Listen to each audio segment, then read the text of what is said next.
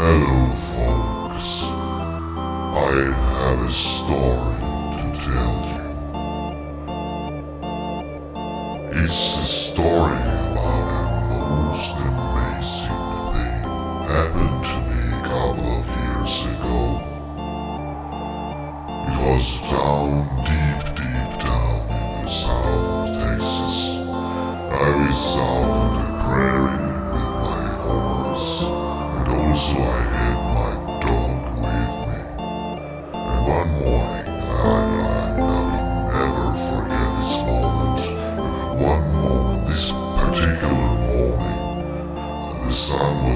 rising loud in horizons, and there she was, the very most beautiful girl I ever seen.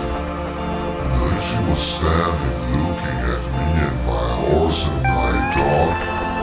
I asked her, hello girl, where are you from? Well, she said, I'm from Glasgow.